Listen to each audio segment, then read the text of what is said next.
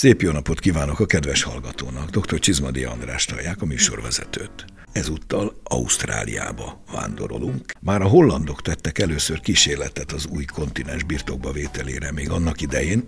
Végül a briteknek sikerült igazán az 1770-es évektől be is tagozzák a brit korona alá Ausztráliát. A gyarmatosítás eredeti célja, hogy telepet hozzanak létre lehetőleg jó messzire az anyaországtól. Nos, ez sikerült is. Aztán persze ez is átalakult, a 19. században egyre több bevándorló érkezett mindenhonnan, így alakult ki az Ausztrál parlamentáris állam brit módra. A szőlő és a bor atyának azt a bizonyos James Busby tartják, aki az 1830-as években elkezdte Hunter Valley-t betelepíteni, ez a mai Sydney város környékén található. Ő hozott magával európai útjáról több száz szőlőfajtát.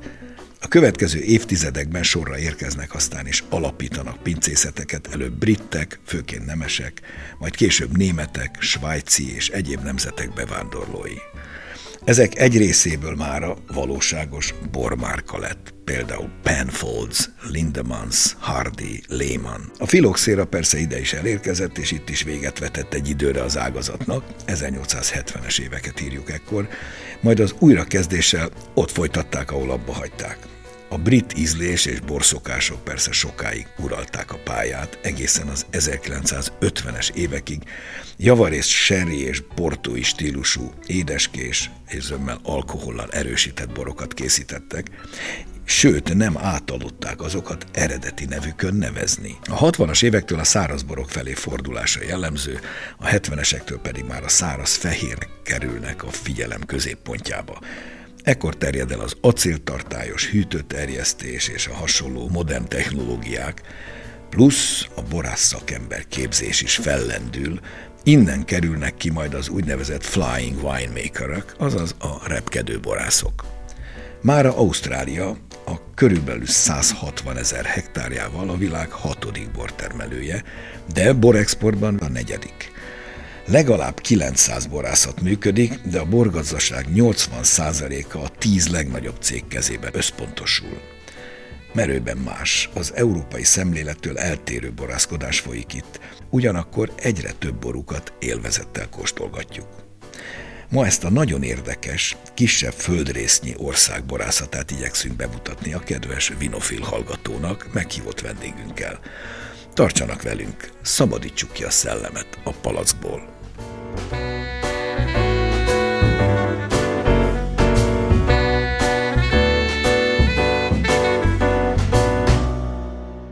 Bemutatom mai vendégünket, Horkai Andrást, aki a CEVI boriskola alapítója és egyben vezetője, borszakértő, kedves tanár kolléga. Nagyon szép napot kívánok mindenkinek. Ausztrália ugye közel van az egyenlítőhöz. Déli féltekén vagyunk, ezt a kedves hallgatónak mondjuk itt minden, ami északra van, az a melegebb, és ami dél felé van, az a hűvösebb. Az északi része Ausztráliának trópusi, a középső rész pedig gyakorlatilag sivatag. Egyedül a déli sáv az, ami alkalmas lehet egyáltalán szőlőre, itt is az óceán közelsége, hűsítő hatása lehetővé teszi, hogy jó minőségi szőlőt lehessen termeszteni. András, milyenek a klímák általában, milyen az éghajlat, milyen hasonlatokkal lehetne illetni, csak hogy esetleg párhuzamokat vonjunk más bortermővidékekkel? Hát többé-kevésbé a klímákat már érintette, úgyhogy alapvetően valóban az a furcsa helyzet, hogy egy kontinensnyi országnak csak az egyharmadán lehet szőlőt telepíteni. Ennek is a déli része leginkább ami alkalmas, hisz amikor megyünk le dél felé, egyre hűvösebb lesz. Azért ez relatív, mert általában itt azt lehet mondani, hogy meleg, de meleg vagy forró a klíma. Kivétel ez alól a partmenti, a déli óceánok, illetve az indiai óceán környékén lévő területek. Itt kap olyan eh, moderáló hatást a különböző óceáni áramlatok által, ami alkalmassá teszi a telepítésekre, illetve a másik, mint bárhol máshol az új világban, hogyha távolodunk az óceánoktól, vagy tengerektől, akkor meg a tengerszintfelti magassággal tudunk játszani. Úgyhogy azért itt van egy-két olyan borvidék, aminek a tengerszintfelti magassága az 4-600-4-750 méter között van. És ezáltal egy kicsit hűvösebb. Így, így van, ezt teszi lehetővé, mert egyébként hát viszonylag korlátozottak lennének a lehetőségek szőlőtepítés szempontjából. Nagy különbségek vannak pont emiatt, hogy hol melegebb, hol hűvösebb a dolog, viszont elég nagy a szabadság az ausztrál borászkodásban. Szinte mindent lehet csinálni, nagy házasításokkal ki lehet egyenlíteni a különbségeket. Hogy van ez? Az európai szabályrendszerek kevésbé érvényesek. Egyáltalán. Igen, fogalmazzunk így. Tehát e, olcsóbb a föld, nagyobb terméshozammal lehet dolgozni, a terméskorlátozás visszafogottabb, mint Európában. Flexibilisebb a bortörvény, lehet locsolni, már amikor van víz, ugye itt ez egy elég komoly problémát jelent szám, néha meg túl sok víz van. Néha túl sok víz van, ez a néha kevésből is sok. Alapvetően ők egy nagyon flexibilis bortörvényt alakítottak ki, ami lehetővé teszi, hogy a különböző államok között lehessen házasítani. Ilyen nincs másutt a világon. Nem igazán. Nem igazán. Ők ilyen szuperzónát hoztak létre, amiben három államnak a telepítését lehet házasítani, ez Dél-Ausztrália, Victoria és Új-Dél-Wales. Gyakorlatilag ez a három állam együtt lefogja az Ausztrál telepítésének a 93-95 százalékát. Úgyhogy ha az van ráírva a borra, hogy Wine of Australia, akkor bárhonnan jöhet. A szőlő az van ráírva, hogy Wine of East Australia, akkor gyakorlatilag ennek a három államnak a a házasítása lehet, ami megadja játékot arra, hogy szabad stílusválasztás, eh, ároptimalizáció és mennyiség meg legyen. És valószínűleg kiegyensúlyozott minőség is. Tehát Abszolút. lehet az, hogy úgy keveri a gazda vagy a borász, hogy mindig nagyjából azonos minőséget hozzon ki, még annak ellenére, hogy persze az évjáratok, mint mindenütt a világon, lehetnek különbözőek. Hát ők igazából a 80-as évek eh, másik felével törtek ők be a nemzetközi piac, hogy olyan átlagos, kiegyensúlyozott minőséget tudtak közel évjáratoktól függetlenül biztosítani. A szőlőfajták elég változatosak. Persze itt is, mint mindenütt, dominánsan a francia fajták, az úgynevezett világfajták uralkodnak, de emeljük ki talán a legfontosabbakat. Hát magasan a legfontosabb az a szirá vagy siráz. Ugye ott ők siráznak, ők mondják, siráznak mert angol szászul. Bár tudjuk, hogy köze nincs Siráz nevű perzsa város, sokáig nem. tartotta magát ez a hiedelem. Így van, és ahogy már említette is, 1830-as évek elején egy James Paisley nevű úriember által került a kontinensre, és hát egészen a 70-es évekig nem ez volt az első számú telepített szőlőfajtájuk, sokkal fontosabb volt például a grenás. Uh-huh. Viszont a 70-es évektől egy ilyen nagyon komoly brand építés elméletben ez lett az egyik kiugrási pont, és gyakorlatilag hát azóta meg sokszorozódott a telepítés, több mint 40 ezer hektár van. Ausztráliában ebben gyakorlatilag világ Siráz vagy Szirát telepítésének több mint a 20%-át. Ők bitorolják, és Franciaország után ők a második legnagyobb telepítéssel rendelkezők. És tegyük hozzá, hogy nagyon jók is általában nagyon jó, a szirái. Nagyon jók. Nagyon változatos stílusok, majd amikor beszélünk esetleg a borvidékekről, a régiókról, akkor ez kijön. Utána a Chardonnay, van telepítésben. Hát más. Igen, ők a világ második legnagyobb telepítéssel rendelkező országa, hogy országos Viszont szinten. több stílusban is készítenek Rengeteg. Tehát, hogy itt függ, hogy éjszakabbra, az az a melegebb vidéken, vagy éppen a hűvösebb részen. Tehát, hogy tömegtermelés, és az átlagos eh, ez a 5 dollár körül jár, vagy pedig eh, Victoria állam, vagy Adelaide Hills környékéről, eh, a hűvösebb klímáról komolyabb minőség. Aztán utána a világfajták között Cabernet Sauvignon, uh-huh abból is van közel 30 ezer hektárjuk, úgyhogy nagy, nagy játékosok abban is, Merlot, Semillon. Mert hogy bordói fajta. Így Ezt itt nálunk kevésbé ismerjük, Így de a Semillon bordónak a vezető fehér szőlőfajta. És nagyon sokáig Ausztráliában is vezető szőlőfajta volt, pont az ön által említett Hunter Valley. Igen. A bordó majmolás, ahol angol szászok vannak, szinte kötelező kűr. Milyen volt a, az ausztrál borok stílusa? A klasszikus óangol stílus, ez a félédes édes kategória. Igen, hát a sherry meg a portói. Igen, van. sherry, portói, akár erősített, akár édes, ugye ebből nekünk is volt problémánk ott a Rutherglen Tokai nevű általuk édesnek, egyébként erősítettnek eh, minősített borral Igen, kapcsolatban. Köze nem volt Tokajhoz. Semmi, most már hál' Istennek nem úgy hívják, de alapvetően valóban ez az olcsó, elég populáris, és aztán utána ők a 70-es években nagyon komoly váltásban Igen. kezdtek, amin a 80-as évek közepére eh, indult be igazából, és eh, Hát is. sokak szerint az újvilági brendelmélet megalkotói ők, amik a száraz sárdonékkal és szirákkal. A következő interjúban dr. Fiát Attila nemzetközi borakadémikus beszél az ausztrál borok stílusáról.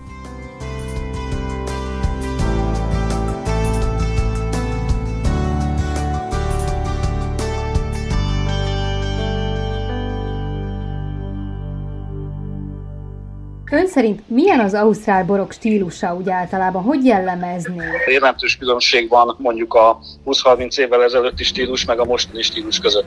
20-30 évvel ezelőtt ugye az ausztrálok gyakorlatilag egy nagyon markáns borstílussal, vagy azt is lehet mondani, inkább kettővel robbantak be a köztudatba, a világ térképre helyezték föl magukat. Ugye a legismertebb az a siráz, ami, ami ugye a szirá francia szőlőfajtának egy nagyon markáns, erőteljes, érett, magas alkoholú, nagy testű borrá formálása volt. Akkoriban ez nagyon nagy sikert aratott, illetve a, Chardonnay-nak volt egy, egy megint csak ilyen klasszikus, már már úgy mondanánk újvilági, tehát egy ilyen érett, megint csak magasabb alkoholnál, a szokásosnál erőteljes fordó használattal.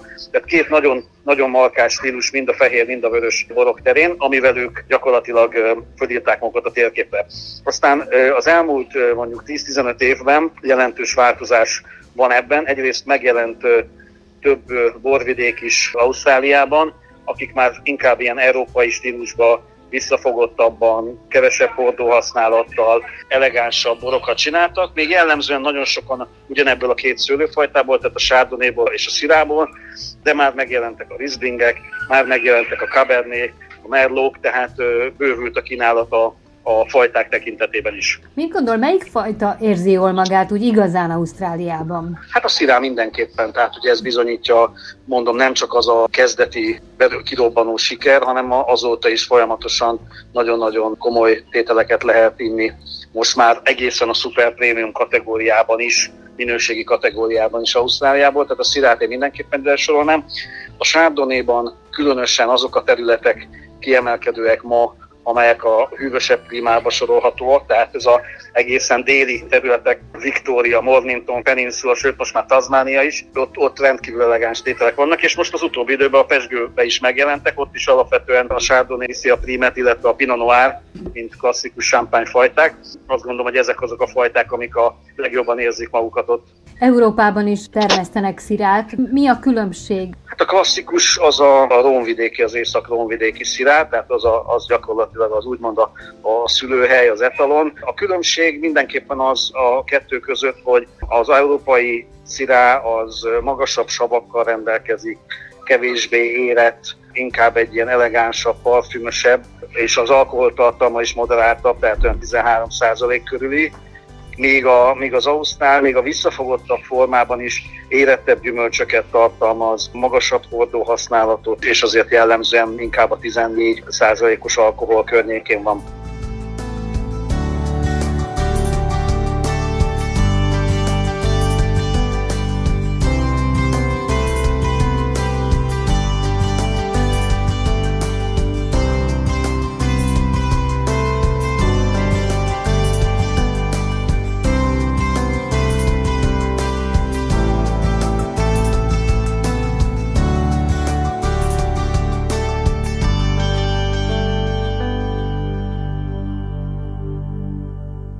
András, milyen az Ausztrál borpiramis szabályozása? Állítólag legalább három szintű. Vázoljuk ezt fel a kedves hallgatónak. Önök egy nagyon érdekes szabályzási rendszerük, amit úgy hívnak, hogy Geographical Indication, ami 1993 óta él.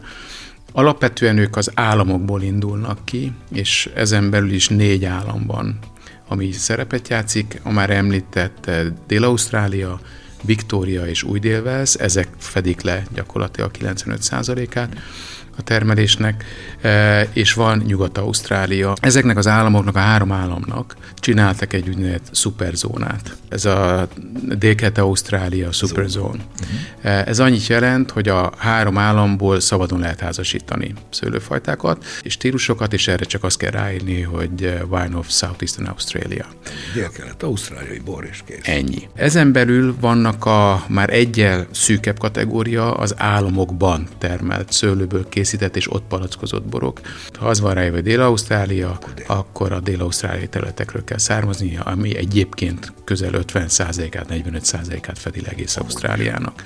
És ezen belül aztán nekik egy nagyon speciális piramisuk van, jönnek a zónák. Van nekik 27 zónájuk összesen a négy államban, és a zónákon belül még kisebb egységekre bontják a régiókra. Tehát ott jönnek a klasszikus értelme vévet borvidékek. A régió A régió, igen, amiből amiből van nekik 64, és a régiókat bonthatják még úgynevezett alrégiókra amiből viszonylag kevesebb van, mert összesen 14 van. De a lényeg az, hogy minél mélyebben vagyunk a piramisban, tehát minél kisebb egységben eh, vagyunk eh, a minősítés szempontjából, annál jobb a bor. A hozamkorlátozás ennek megfelelően egyre szigorúbb, eh, a mennyiségi termelés egyre jobban csökken, a minőség, és, a minőség egyre nő. és az ár is. Emeljünk ki akkor talán ezekből a régiókból a legfontosabbnak gondolt vagy tartottakat? Menjünk államok szerint, mert ez a legegyszerűbb. a legnagyobb az Dél-Ausztrália, és minden államban van egy hely, ami a tömegtermelésnek a helye. Alapvetően az ausztrálok az ő kezdeti brandépítésükben az olcsó, jó minőségű kiegyensúlyozott borokra koncentráltak, és ez alapvetően három területről származik. Az a közös bennük, hogy inlandről, tehát a belföldről származik, nem a tengerparti területekről, és az köti őket össze, hogy van egy nagy folyam, ez a Murray Darling folyó, aminek a mentén helyezkednek el. Ez azért nagyon fontos, mert ugye klimatikusan említettük, hogy nagyon meleg van, főleg a belső területeken nincs semmi kompenzálja, és itt muszáj öntözni. És itt ez a folyó biztosítja a lehetőségeket. Itt például ez a Murray Darling és Riverina régió az, ahol a tömegtermelés van, tehát amiket ön említett, a Hardy például, ez klasszikusan ott helyezkedik el. Yellowtail például szintén ezeken a területeken. Kijebb megyünk, és nagyon komoly régiók felé megyünk, akkor itt Dél-Ausztráliába Barossa. Itt nagyon érdekes ilyen vasban nagyon gazdag, talajban kőzet van, mészkő van, tehát itt már jönnek a teruár hatások. Ugyanúgy a tengerszintfelti magasság már elmegy akár 400 méterig is. Itt a Siráz mellett megjelenik a Grenás, megjelenik a Murver, vagy itt helyi néven Mataro. Itt vannak az Édenbeli rész, ahol nagyon komoly rizlingjeik vannak. Adelaide dinomság, Adelaide Hills, félelmetes szavinyomlanokkal és sárdonékkal. Uh-huh. Ez az egyik kiugró pontja a sárdoné szavinyomlan termelésnek, illetve telepítéseknek, és itt van egy nagyon klasszikus régi régió, ez McLaren, uh-huh. amit mindig barosszával hoznak eh, párhuzamba. Eh, másik, másik nagy. Nagy szirá, illetve sirász termőterület, közel a tengerparthoz, és el kell mondani, hogy Cabernetben is itt van a legkomolyabb terület, ez a Kunuvara E, régió. Ezeket rendre a nagy bordói e, kabernékkel szokták összehasonlítani. Borok érleléséről is érdemes pár szót ejtenünk, itt azért a barik használat, de gyakori a chips meg a donga is az olcsóbb kategória. Igen, tehát ugyanez a piramis megfordítva érvényes az érlelésnél is. Tehát attól függően, hogy tömegtermelés, akkor az általában donga vagy chips, ami nálunk régen nem volt lehetséges, az náluk egy abszolút elfogadott. Abban a pillanatban, hogy az minőségi termelésbe megy át, ott általában elhagyják a dongát és a chipset, és jönnek a fahordós érlelés. Van a világon annyi tölgyerdő, hogy ez győzni lehessen? Bőven van. De ezért nem ördögtől való végül is ez a chips vagy donga. És sokáig úgy kárhoztattuk, meg lesajnáltuk, de olcsóbb kategóriában ad egy kis faíz benne kétségtelenül. Egy nagyon speciális faízt ad bele, és egyébként az ausztrálok nagyon korrekten azok a borok, amik hordós jegyeket mutattak, de nem hordóból származó érlelésből, arra azt írták rá, hogy unoaked. Ez annyit jelent, hogy hordós jegyeket tartalmaz, de nem hordós érlelésből. Igen, magyarul tölgytelen. Így van, hogy ne tévesszék meg. Ne tévesszék meg. Azt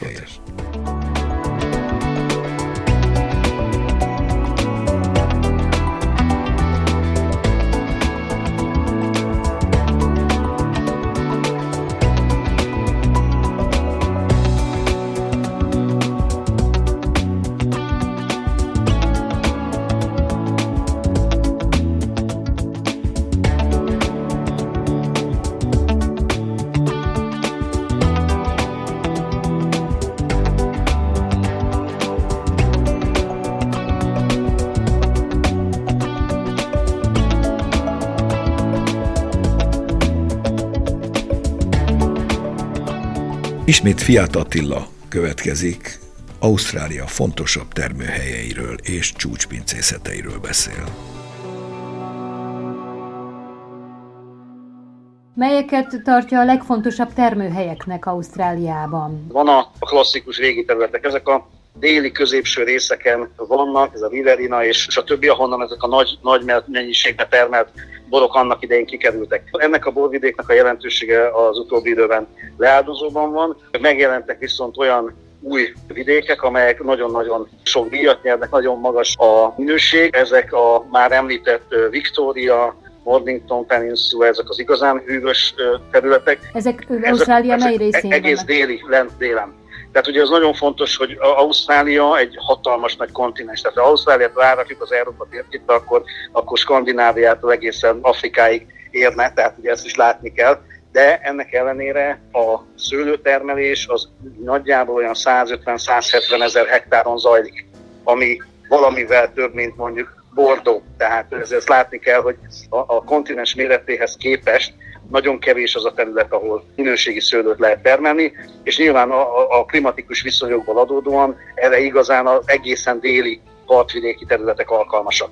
Tehát gyakorlatilag, hogyha Sydney-től lefelé elindulunk, és végigmegyünk, mint a körbe rajzolnánk egy ceruzával alulról a kontinenst, akkor tulajdonképpen ezeken a területeken találhatók a, a szőlőművelési területek.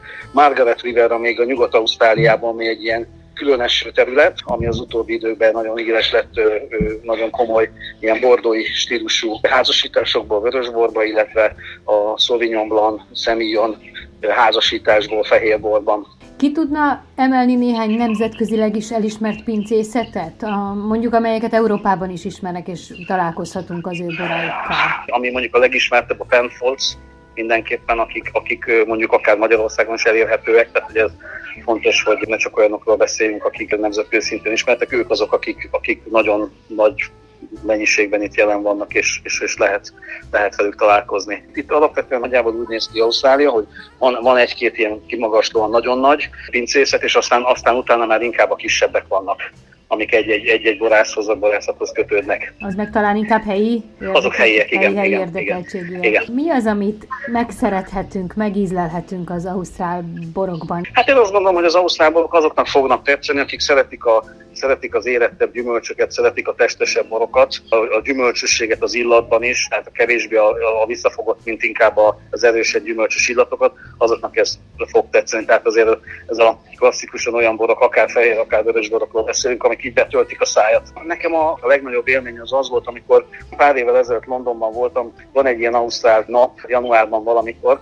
és akkor, akkor van, egy, van egy ilyen kóstoló, ahol tényleg gyakorlatilag mindent végig lehet kóstolni, az összes barászatot végig lehet kóstolni, és nekem az volt egy ilyen élmény, amikor azt láttam, hogy teljesen más kép rajzolódik ki már, mint ami régen élt az emberben, tehát hogy tényleg nagyon magas minőségű, nagyon, nagyon komoly borok készülnek most már ott.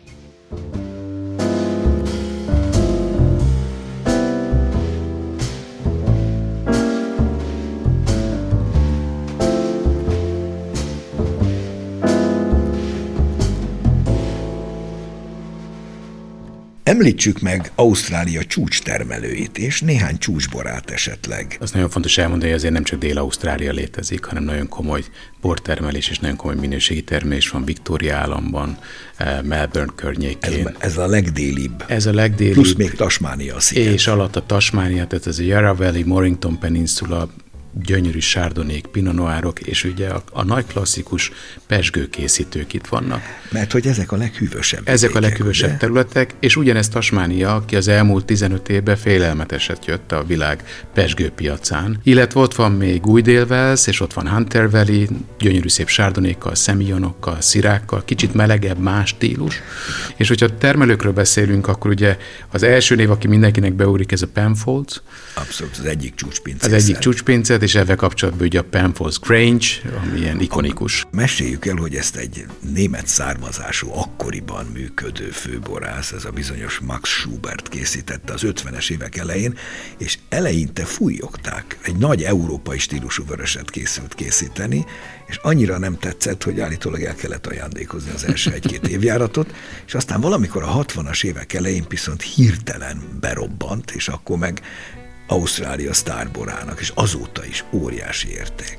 Így van, minden kontinensnek kell lenni egy sztárborának, mint Kaliforniában volt az Opus van. Opus van. Ugye ez gyakorlatilag itt a, a Grange, de hát emellett rendkívül sok pincészet van. Van a Jalumba, például szintén Barosszába Péter Lehmann pincészete. Kiváló. Wolf Blass, a Jacobs Creek, tehát ezek ilyen ikonikus, de általában nagyobb pincészetek, nagyobb volummal. Volt szó Hardyról, aki aztán tényleg a tömegtermelésnek az egyik uh, zászlósa, Yellowtail, maga a megtestesült pormarketing csoda, de Bertoli, tehát rengeteg pincészetük van, kisebb és nagyobbak, komoly minőséggel, vagy éppen uh, tömegtermeléssel. Foglaljuk össze végül, hogy Ausztrália általában azt lehet mondani, hogy igen racionalizált termelést folytat. Mi ennek a lényege? Mert hogy nyilván a, jó árérték arány is ebben érhető tetten. Igen, tehát egyrészt nagyon koncentráltan figyelnek a megfelelő telepítésre, ezen belül a megfelelő telepítés módokra, a vízhasználatra, az úgynevezett canopy managementre, mindez adjuk hozzá, hogy milyen a klíma. Tehát emberi erővel ezt nagyon nehezen lehetne. E, ehhez jön, hogy mindig a legújabb technológiákat alkalmazzák, mind szőlészeti, mind borászati oldalon. Nagyon erős nekik az exportjuk, nagyon erős a Wine of Australia által adott bormarketing támogatás. Minden adott nekik, ami a nemzetközi piacon azt a pozíciót adja, ami jelenleg a negyedik, ötödik, hatodik eh, helyet adja nekik. És ha hozzáteszünk azt, amit már említettünk, hogy végül is szinte mindent szabad bortörvényileg, korlátlan lehetőségek, akkor ezek is nyilván hozzájárulnak ahhoz, hogy igen jó áron tudnak jó minőséget termelni. Kis túlzással Európában úgy készítesz bort, hogy a bortörvények engedik, az új világban és Ausztráliában pedig a bortörvényeket úgy alakítják, hogy a legoptimálisabban tudják bort készíteni. Megköszönöm meghívott vendégünknek a mai szíves közreműködést. Én köszönöm szépen a meghívást, megtiszteltetés volt itt lenni. A következő percekben a borászat legfrissebb eseményeiből szemlézünk a hírszerkesztő Vajda Boglárka tolmácsolásában.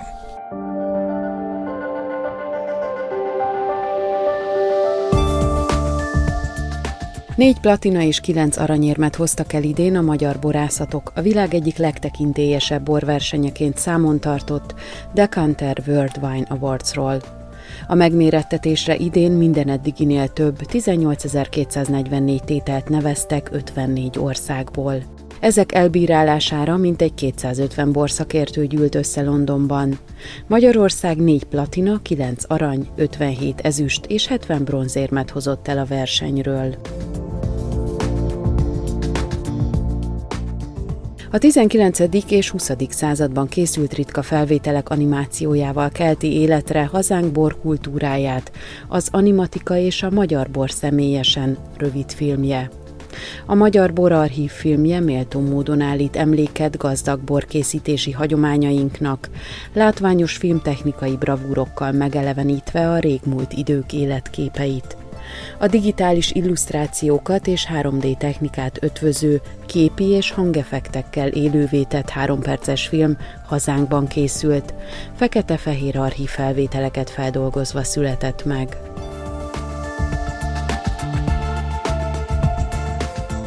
Az állandóan változó kihívások közepette a termelés hatékonyságán és a megújuláson múlik a magyar bor jövője, hangsúlyozták a szakértők a Hegyközségek Nemzeti Tanácsának budapesti sajtórendezvényén. Tarpataki Tamás, az Agrárminisztérium agrárpiacért felelős helyettes államtitkára a HNT szerepét emelte ki az ágazat működtetésében.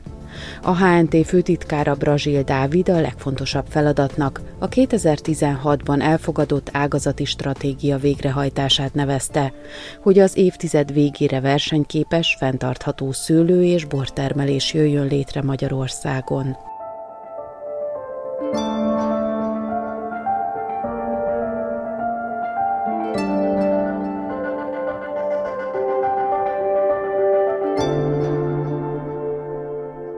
Mai műsorunk véget ért. A hangmérnök Bolgár Jonatán nevében is megköszönöm figyelmüket. Szép napot, jó borokat kívánok, dr. Csizmadi Andrást hallották. Mai adásunkat a mediaclick.hu honlapon hallgathatják meg újra. A műsort az MTVA készítette 2022-ben.